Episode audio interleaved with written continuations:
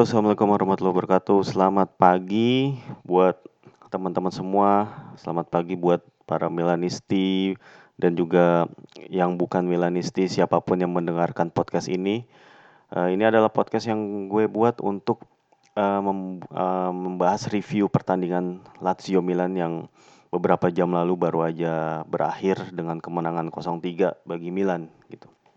Ini adalah sebuah kemenangan yang fantastis tentunya. Salah satu yang terbaik uh, sejak di handle Stefano Pioli. Lalu kemudian itu dari sisi skor, juga dari sisi clean sheet itu juga sangat bagus buat uh, defense Milan dan juga kiper Gianluigi Donnarumma yang musim ini membukukan 12 clean sheet dan pertandingan masih ada 8 lagi, tentunya masih bisa bertambah. Dan lalu kemudian banyak hal-hal positif yang akan kita akan bahas lebih dalam lagi. Uh, terlepas uh, dari Lazio emang tampil tanpa kekuatan penuh gitu ya. Oke, langsung aja kita mulai dari sisi line up. Uh, Pioli nggak nggak banyak bikin perubahan ya dibandingkan dengan laga lawan Spal, kecuali Simon Kiar yang dipasang sebagai pendamping dari Alessio Romagnoli dan juga Andrea Conti balik lagi ke starting eleven dan satu lagi adalah Zlatan Ibrahimovic yang untuk pertama kalinya sejak uh, kompetisi di restart itu uh, tampil sebagai starter. Ya, formasi masih sama dengan 4-2-3-1 dengan uh, Selemaker juga Bonaventura dan juga Hakan Calhanoglu uh, mendukung Zlatan di depan uh, Benasir dan Kessie sebagai double pivot sisanya sama. Lalu bagaimana dengan Lazio? Lazio emang sebelum dari sebelum pertandingan lawan Milan itu sudah dilanda cukup banyak problem gitu ya. Terutama dua penyerang andalan mereka yaitu Ciro Immobile dan Felipe Caicedo itu terkena larangan bermain uh, akibat akumulasi kartu. Ini very very unfortunate dan unlikely buat mereka gitu. Uh, dan mereka juga sebenarnya masih punya Joaquin Korea dan juga Bobby Adekanye sebagai striker, tapi sepertinya dua pemain ini juga belum terlalu fit ya. Uh, si Joaquin Korea kelihatan belum terlalu fit dan dia akhirnya ditarik keluar pas uh, di pertengahan babak kedua dan Bobby Adekanye juga baru masuk di babak kedua gitu. Dan ini adalah sebuah uh, kehilangan yang besar bagi Lazio juga gitu dalam perburuan poin mereka dalam mengejar Scudetto. Tadinya selisih 4 sekarang selisih 7 dari Juventus gitu. Tapi ya ya tenang aja, mudah-mudahan aja Milan bisa ngalahin Juventus nanti hari Selasa. Jadi selisihnya bisa balik lagi ke empat, oke? Okay? Um, Lazio nurunin bisa seperti biasa Thomas Strakosha sebagai penjaga gawang. Trio backnya itu tadi yang main itu si Patrick, terus kemudian uh, Acerbi dan Stefan Radu. Uh, si Denis Favro masuk babak kedua gantiin si Radu uh, midfield ada Johnny Castro di kiri, lalu kemudian uh, Manuel Lazzari sebagai wingback kanan, di tengahnya itu ada uh, Marco Parolo tadi, lalu kemudian ada Luis Alberto, Stefan eh, Sergej Milinkovic Savic dan juga Joaquin Korea. Ya, Lukas Leva main gak sih tadi? Sorry gue agak-agak nggak ngeh Eh, sepertinya yang pokoknya yang yang pasti main sih tadi ada Marco Parolo di tengah dan ada Danilo Cataldi juga tadi yang uh, masuk di babak kedua. Gue lupa ngegantiin siapa. Ya sebenarnya ini emang uh, udah banyak yang memprediksi bahwa Lazio ini akan kesulitan ya, terutama karena yang absen adalah dua penyerang terbaik gitu, yang paling produktif yang mereka yang mereka punya gitu. Dan ini ada yang bilang juga bahwa ini masalah kedalaman squad. Jadi emang bedanya Lazio nggak Lazio nggak bisa ngejar Juventus karena uh, kedalaman squad yang emang uh, jadi masalah. Tapi menurut gue tadi gue juga sempat nge-tweet gitu sih kedalaman squad Lazio. Tapi gue gue coba ralat sedikit ya. Sebenarnya bukan masalah ke dalam kedalaman squad karena kalau ngomong soal uh, pelapis itu mereka punya, mereka punya pelapisnya si Immobile dan juga uh, Caicedo. Bahkan in fact uh, Caicedo sebenarnya pelapis, sebenarnya yang jadi striker utama itu si Immobile dan Joaquin Korea. Caicedo itu pelapisnya si Immobile dan satu lagi si Bobby Adekanye itu jadi pelapisnya si Joaquin Korea ya. Uh, apa namanya? Ya mereka punya empat itu sebenarnya jumlah yang ya nggak dikatakan ideal banget sih, tapi paling nggak kan dengan formasi dua striker gitu, uh, empat pemain itu sebenarnya ya cukup lah gitu. Kalau ibaratnya kalau dua absen masih ada dua yang gantiin. Cuman emang sayangnya dua yang dua yang harusnya jadi pengganti juga dalam kondisi yang kurang fit. Bobby Adekanye kurang fit, kemudian uh, Joaquin Korea juga kelihatannya kurang fit tadi dan beberapa nama Primavera yang sempat disebut oleh beberapa fans Lazio sebelum game itu juga sepertinya kurang fit juga. Gue juga nggak apal namanya pemain Primaveranya Lazio. Tapi ya emang ini ya keadaan yang unfortunate juga buat Lazio sih kalau gue bilang ya dan uh, Stefano Pioli benar-benar mengeksploit itu kelebihan itu kekurangan itu dan menjadi kelebihan bagi Milan uh, mereka uh, menjaga benar-benar uh, karena pen, apa pemain depan itu jadi kayak berkurang buat buat Lazio pemain-pemain Milan itu jadi bisa berkonsentrasi untuk uh, menghalau atau ya bisa dibilang menutup gerakan dari Luis Alberto dan Sergej Milinkovic Savic ya uh, terutama Luis Alberto yang aliran bolanya benar-benar ditutup, dipres oleh si Frank Kessie terutama. Dan Kessie dan Benacer ini juga udah tampil yang sangat bagus dalam uh, mengorganisir pertahanan sejak dari tengah gitu. Kalau menurut gue ruang gerak Lazio itu disempit eh dipersempit dari situ ya. Dan Lazio sering dipaksa untuk main umpan silang di mana pada saat uh, mereka mengirimkan umpan silang ancaman jadi ber, uh, ber, berkurang ya. Lebih berkurang karena di situ nggak ada ciri, seorang Ciro Immobile ataupun Caicedo yang biasanya bagus dalam duel gitu.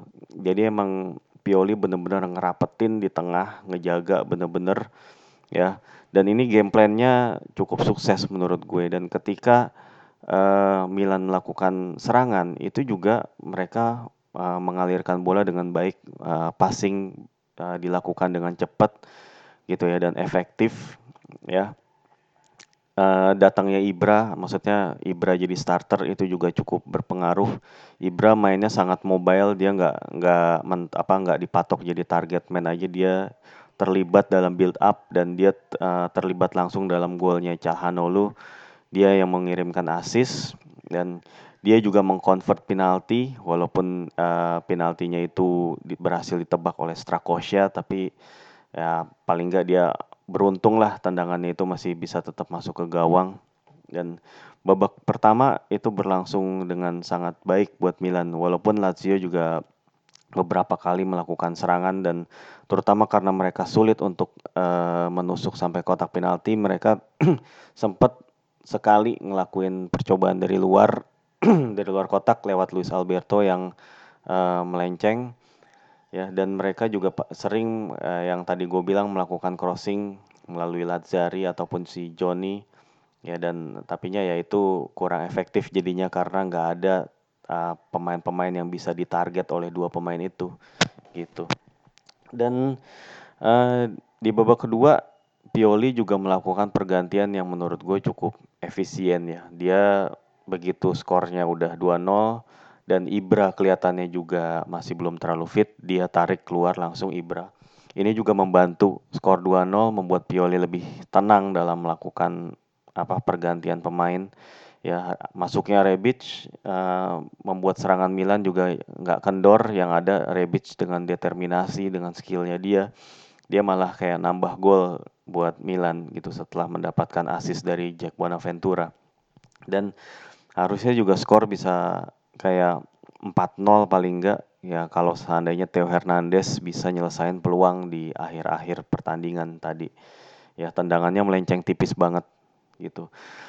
Dan di babak kedua juga Milan tetap bermain dengan intensitas yang sama ketika babak pertama. Kessie dan Benacer tetap rajin untuk nutup ya Lukas Paketa yang masuk gantiin Hakan di babak pertama itu juga tampil bagus jadi ketika ada momen Theo Hernandez itu uh, overlap ya dan Lazio nyerang balik dari situ ya ngelakuin long ball uh, Lazzari dapat bola tapi Lukas Paketa cepet banget untuk nutup ruang geraknya si Lazzari. Ini sebenarnya hampir mengulangi cerita pada saat uh, pertemuan di first leg waktu di San Siro. Gue inget gol golnya Lazio itu datang gol penentu ya, itu yang dicetak Joaquin Korea waktu itu datang dari serangan balik saat pemain-pemain Milan itu pada telat balik gitu. Pada yang apa namanya markingnya itu kurang dan akhirnya Joaquin Korea waktu itu bikin gol dan ini nggak terjadi di pertandingan ini. Paling hanya sekali momen ya. Jadi pada saat si Ismail Benasir dapat peluang uh, set piece tapi set tendangan bebas yang nggak bagus, Lazio cepet banget fast break dan akhirnya si Luis Alberto dapat bola ada Lazzari di sisi kanan dia uh, dia mencoba melakukan umpan terobosan tapi Andrea Conti yang jadi orang terakhir untungnya cerdik banget dalam menarik uh, si Lazzari ke dalam perangkap offside gitu ya. Paling itu doang satu yang gue gue inget peluang Lazio yang paling berbahaya di babak kedua. Selebihnya uh, dengan kedisiplinan yang dilakukan oleh duet Romagnoli dan Kiar yang lalu kemudian si Kessie dan juga si Benacer dan begitu juga Theo Hernandez dan Conti juga bermain cukup disiplin kemudian si Paketa dan juga Selemaker juga sama disiplinnya ini rasanya emang membuat uh, Milan benar-benar deserve tiga poin dari dalam pertandingan ini gitu ya. Uh, kredit juga gue sampaikan kepada Alexis Selemaker yang uh, apa namanya kembali menjadi apa uh, orang yang berada di balik golnya Milan gitu. Dia berkontribusi langsung. Uh, crossing yang dia lepaskan uh, uh, di babak pertama itu handball berbuah handball uh, dari Stefan Radu gitu menurut gue itu ya clear penalti sih emang walaupun emang itu gerakan natural tapi itu emang kayak menghalangi bola gitu uh, jadinya ya emang itu deserve penalti lalu kemudian uh, Selemaker juga benar-benar uh, rajin ya dia ngebantu pertahanan dia juga cepet banget dalam uh, build up gitu. Paling ya sedikit lah uh, aspek decision making yang perlu dia asah lagi. Karena di babak pertama ada tuh harusnya momen dia ngumpan ke Kessie yang udah di kotak penalti tapi dia kelamaan bawa bola akhirnya jadi wasteful lagi. Ya. Emang tapi wajar uh, uh, apa namanya secara stat statistik uh, si Selemaker adalah pemain yang berlari paling jauh ya distance distance covernya itu udah 11 11 km lebih tadi itu paling jauh di antara pemain Milan lain ya. Bahkan dia lebih jauh dari Frank Kessie, lebih jauh dari Simon Kjaer dan juga Alessio Romagnoli. Ini ngebuktiin bahwa uh, work rate-nya si Selemaker itu sangat tinggi dan karena itulah gua rasa dia dipermanenkan Milan di samping dia juga masih muda dan harganya juga murah, gajinya juga nggak terlalu gede gitu. Ya, menurut gua Selemaker oke okay lah dia benar-benar bisa mengisi posnya si Samu Castillejo yang mengalami cedera paling nggak dalam waktu dua minggu ke depan ya dua atau tiga pekan ke depan ya. Kira-kira Samu tuh bisa absen di ya tiga atau empat game. Dan ini Selemaker ini jadi peluang buat dia lah untuk menyegel uh, tempat uh, di tim inti gitu. Even pada saat Samu itu udah fit kembali kalau Selemaker mainnya bagus terus gue rasa dia akan dipasang terus juga gitu. Lalu kemudian secara stats lagi atau secara numbers gue juga menemukan beberapa hal menarik ya. Ini uh, Zlatan Ibrahimovic dengan penalti tadi dia berhasil mengkonvert 14 tendangan penalti terakhir ketika dia bermain di Serie A. Berarti 14 game 14 penalti terakhir yang diambil oleh Ibra termasuk waktu saat dia uh, uh, first stint membela Milan waktu tahun 2011 dan 2012 itu masuk hitungan juga dan tadi juga berhasil mengeksekusi dengan baik walaupun ketebak penaltinya sama si Strakosha gitu. Lalu kemudian uh, bagi Ibra juga ini adalah gol kelima dari Ibra dalam tujuh pertandingan terakhir ketika dia menghadapi Lazio. Jadi gawang Lazio itu termasuk gawang yang favorit dibobol oleh Zlatan. Lalu kemudian uh, bagi Ante Rebic ya, Rebic adalah menjadi pemain pertama bagi Milan di musim ini yang mencetak gol double digit. Ya, agak memalukan sih tapi paling enggak ya daripada enggak ada sama sekali dan daripada enggak sama sekali gitu. Telat banget bah hari gini baru ada pemain yang mencetak double digit gol. Yaitu paling enggak ya lumayan lah gol ke-9 Rebic musim ini di Serie A dan gol 10 di semua ajang. ya. Dan Milan juga uh, di pertandingan ini pada akhirnya mengoverturn uh, defisit selisih gol yang tadinya sebelum pertandingan ini min minus satu sekarang jadi plus dua lumayan lah plus dua gitu walaupun cuma plus dua gitu tapi ah ini udah lumayan banget gitu uh, apalagi yang mau gue bahas tadi sebenarnya ada pertanyaan yang juga cukup uh, menarik di di Twitter ya tadi ada yang nanya uh, kok kenapa ya penampilan Milan setelah restart akibat COVID ini membaik gitu? Apa yang jadi penyebabnya? Uh, menurut gue permainan Milan itu membaik bukan hanya sejak COVID, tapi sejak putaran kedua sebenarnya in fact permainan Milan itu membaik gitu. Kita bisa lihat uh, dari segi hasil, dari sisi ya dari segi hasil pertandingan, dari sisi cara bermain itu udah di putaran kedua udah mulai membaik karena beberapa faktor ya. Pertama ya karena emang Stefano Pioli udah nemuin formula terbaiknya. Dia udah belajar banyak dari um, putaran pertama, game di putaran pertama. Dan datangnya Ibra juga mempermudah karena akhirnya Milan punya leader dalam tim, punya point of reference, punya pemain yang bisa memotivasi, pemain berpengalaman yang juga apa benar-benar bisa ngebantu jadi pembeda gitu dan ini membuat beberapa pemain juga tampil makin pede kayak Calhanoglu, kayak Rebic, kayak Samu. Ya, itu juga berkat datangnya Ibra jadi mainnya lebih terarah gitu. Pemain-pemain Milan itu di final third ya udah nggak udah nggak terlalu sering kebingungan gitu kayak waktu lawan Spal itu kan kayak gitu bingung ya. Tapi di pertandingan-pertandingan lainnya tuh pemain-pemain Milan di final third itu udah punya skema gitu. Walaupun belum rapi-rapi amat tapi udah mulai punya skema. Begitu juga penampilan pemain seperti Lukas Paketa yang juga udah mulai meningkat kepercayaan dirinya walaupun dia masih uh, belum mencetak gol, jarang mencetak assist, jarang terlibat langsung dalam gol, tapi uh, kontribusinya dalam build up, kontribusi dalam uh, membantu pertahanan dan bermain sebagai tim, sebagai tim player itu udah jauh meningkat menurut gue si Lukas Paketa gitu. Ya dan apa puncak dari performa meningkatnya performa, performa pemain Milan itu terjadi pada saat babak pertama derby seperti yang gue bilang. Uh, derby itu memang Milan kalah ya, akhirnya kalah kena comeback, tapi itu apa menghadirkan pelajaran yang amat berharga buat Pioli dan tim pelatih gitu. Jadi mereka udah tahu nih bagaimana cara memanfaatkan uh, pemain-pemain Milan, skuad Milan dengan ya segala keterbatasan yang ada gitu. Ini udah bisa dimanfaatin gitu sama Stefano Pioli dan bisa ditingkatin, diimprove lagi lebih jauh gitu. Terbukti hasil-hasil setelah itu cukup bagus ya, kecuali pas kalah lawan Genoa di kandang. Tapi selebihnya itu bagus, bisa apa nggak kalah sama Juve di Coppa Italia, tersingkir ya karena goal away gitu dan itu harusnya deserve win pas lagi di apa first leg gitu. Lalu kemudian uh, pas lawan Roma juga udah main bagus, lawan Lecce main bagus gitu. Itu menurut gue udah improvement yang yang kelihatan banget ya, yang beda banget ya, dibandingkan dengan di putaran pertama. Jadi ya sekali lagi uh, indikasi atau membaiknya performa Milan itu bukan sejak COVID, tapi emang sejak putaran kedua, gitu kurang lebih.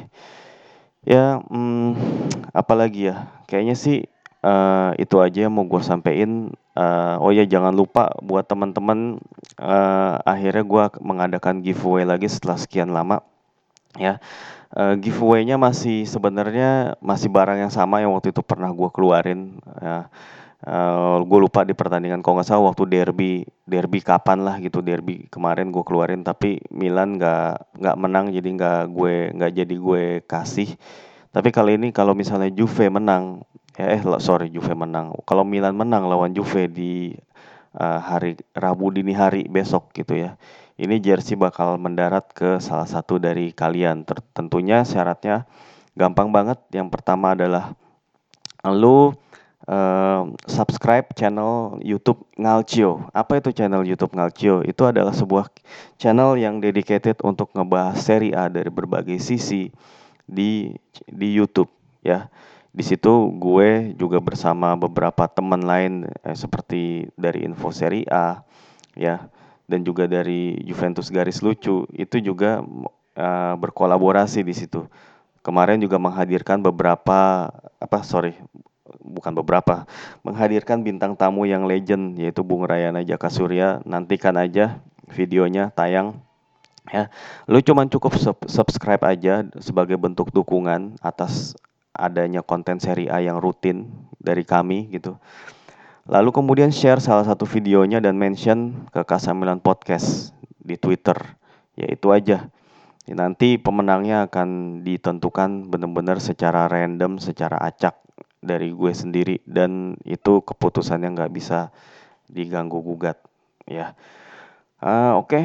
uh, kurang lebih itu aja yang mau gue sampein di review Lazio Milan. Semoga hari-hari lu menyenangkan ya. Ini Milan menang, hari menyenangkan. Kalau Milan kalah juga jangan terpengaruh. Biasa-biasa aja. gitu. Oke, okay. sekali lagi makasih udah ngedengerin dan uh, mohon maaf kalau ada kesalahan-kesalahan kata atau kesalahan data. Oh ya satu lagi, sorry sorry satu lagi poin penting adalah expected goals. Ya, gue ngelihat data expected goals itu melebihi dari gue ngelihat data total shots. Total shots Milan emang tadi ada tujuh ya dan tujuh eh, di mana lima di antaranya tepat sasaran berbanding 8 milik Lazio yang hanya dua tepat sasaran. Tapi bukan itu yang jadi indikator. Uh, di sini expected goals yang gue dapat datanya itu uh, Milan expect, expected goalsnya 2,33 sementara Lazio 0,29 ya ini emang nunjukin bahwa uh, Milan itu juga memiliki banyak peluang yang bagus gitu ya. Expected goals mungkin buat lo yang masih pada kurang familiar adalah peluang yang menghasilkan atau yang apa ya istilahnya peluang yang bagus gitu peluang bikin gol yang emang bagus artinya uh, dari tembakan-tembakan yang dilancarkan itu kan kualitasnya tuh nggak semuanya uh, menghasilkan peluang yang bagus gitu. Soalnya kadang-kadang kita juga suka misleading kalau misalnya kita baca oh ada 5 shot on target. 5 shot shot on target dengan shot off target itu kadang-kadang kita dengan terlalu sederhana membahasakannya oh kalau shot on target lebih bagus daripada off target. Padahal kadang-kadang namanya shot on target itu lemah dan mengarah ke kiper. Sementara tendangan yang kena tiang atau tendangan yang melenceng dikit ya itu dianggapnya shot off target, tapi pada esensinya peluangnya itu lebih bagus tendangannya kena tiang kan daripada tendangan yang ditangkap sama kiper gitu. Nah, expected goals itu mencoba mengakomodir hal-hal seperti itu. Jadi yang dinilai dari expected goals itu bukan cuman kuantitasnya atau jumlah, tapi kualitas. Kualitas peluangnya itu seperti apa, seberapa berbahayanya bagi lawan gitu. Nah, semakin tinggi expected goals dari sebuah tim, artinya sebuah tim itu uh, mampu menghasilkan peluang yang lebih baik dan juga mampu mengkonversi dan skor yang ter yang tercermin itu adalah bagaimana tim itu mengkonversi peluang yang didapat. Dan tadi uh, gol dari Milan itu tiga expected goalsnya itu 2,33 artinya uh, gol dari Milan itu lebih banyak dari expected goals. Dan ini berarti uh, Milan itu bermain efektif gitu loh. Memanfaatkan peluang dengan efektif. Conversion rate-nya itu tinggi gitu tadi. Nah itu yang bisa diterjemahkan dari sebuah expected goals ya Oke, uh, kalau gitu itu aja yang mau gue sampein. Mudah-mudahan bermanfaat bagi semua. Oke, assalamualaikum warahmatullahi wabarakatuh.